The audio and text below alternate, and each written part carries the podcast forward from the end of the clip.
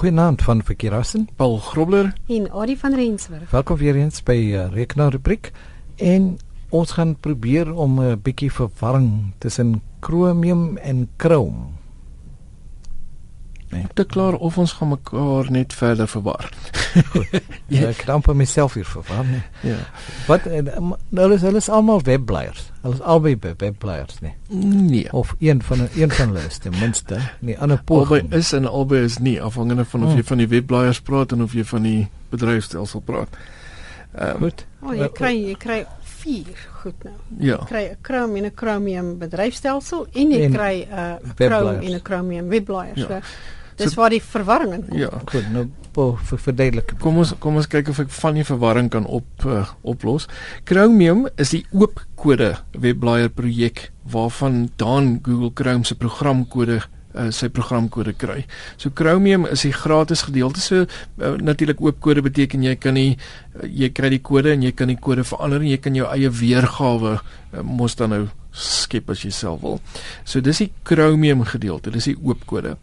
Die doel was dat Chromium die naam van die um, van die projek sou wees um, en dat die webblaaier Chrome genoem sal word. Nou intussen het die programmeerders die Chromium kode geneem en die webblaaier weergawe vrygestel met die Chromium naam ook. Ehm um, Ja, so, so uiteindelik sit ons toe nou met 'n Chromium en 'n Chrome ja, webblaaier. Ja, die maar die een is eintlik die oop kode weergawe. Dit is nou Chromium. Ja. ja. Chrome is nie oop kode nie um, en sluit verskeie aspekte in wat nie in Chromium voorkom nie. So die verskil is Chrome is 'n standaard. Dit is deur Google self ontwikkel en niemand kan die kode verander nie behalwe Google self. Chromium is gebaseer op Chrome, maar dis 'n oop kode weergawe van die projek en dit kan aangepas word. Ja. Nou uh, in in Chrome byvoorbeeld kry jy uh, natuurlik verskillende codecs uh, wat insluit AAC, H.264, MP3, daai tipe. Uh, Chrome sluit hierdie gelisensieerde codecs in sodat dit vir jou toegang kan gee tot 'n wye verskeidenheid media inhoud en uh, veral webwerwe wat HTML5 video gebruik wat natuurlik die H.264 video stroom En uh, albei webblaaiers het wel die basiese gratis codecs in. Dit sluit nou in Opus, Fiora, um, Forbus, VP8, VP9 en jou Waves VA4. Dit is nie MP3 dan nie. Nee. Dis nie 'n standaard codec. Dis maar van die gewildste deesdae. Ja, definitief MP3 en MP4 is jou gewildes. Dan natuurlik Adobe Flash Papi. Papi. Papi. Chrome met 'n sandboxed Pepper API, dis nou jou PAPI, 'n Flash plugin wat Google outomaties saam met Chrome opdateer.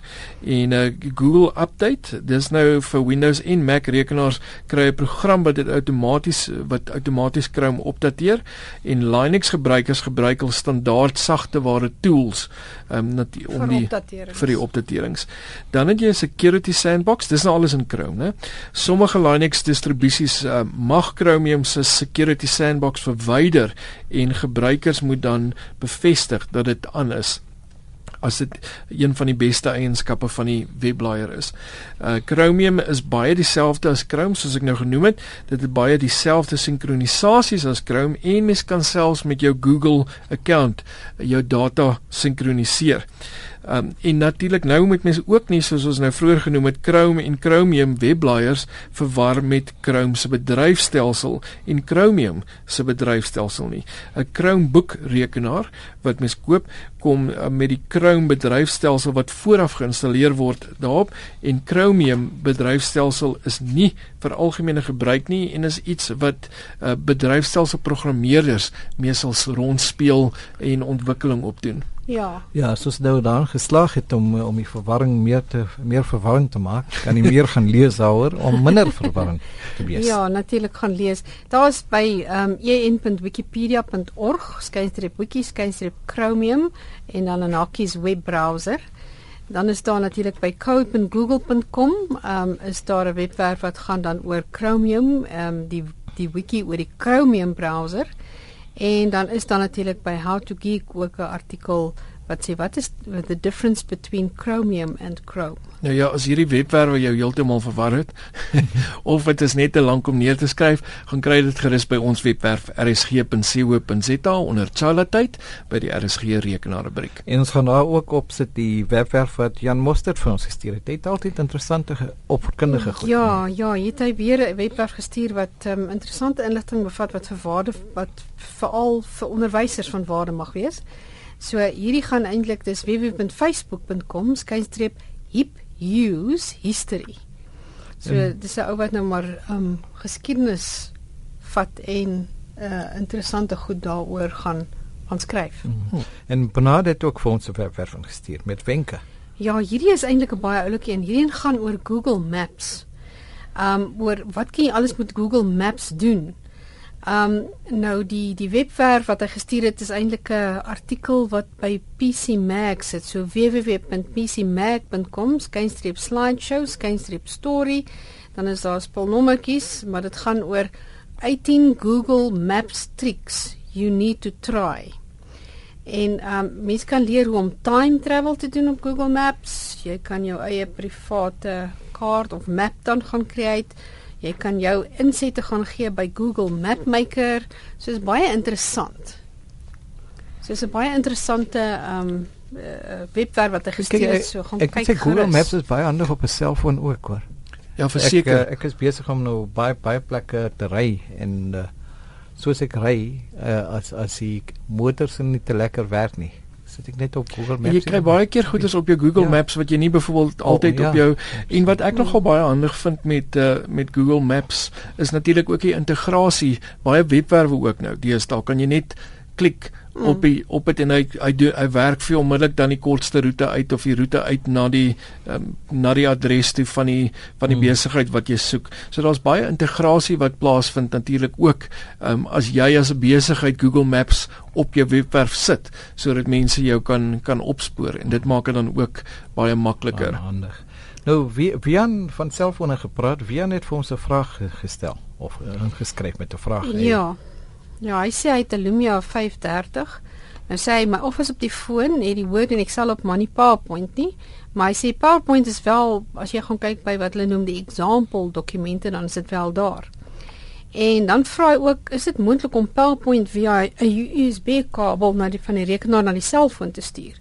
En ehm um, hy vra ook oor die batterylewe wat WhatsApp die batterylewe bietjie minder maak. Hm.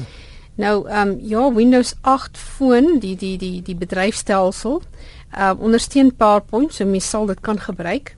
Ehm um, daar is spesifieke uh webwerf hier wat jy kan gaan besoek www.window appreviews.com how to use Microsoft Windows in Windows Phone 8. Ehm um, daar's nog eene wat gaan oor uh wat by van microsoft.com is. Ehm um, wat spesifiek gaan oor die Lumia 530 Smart Guidance.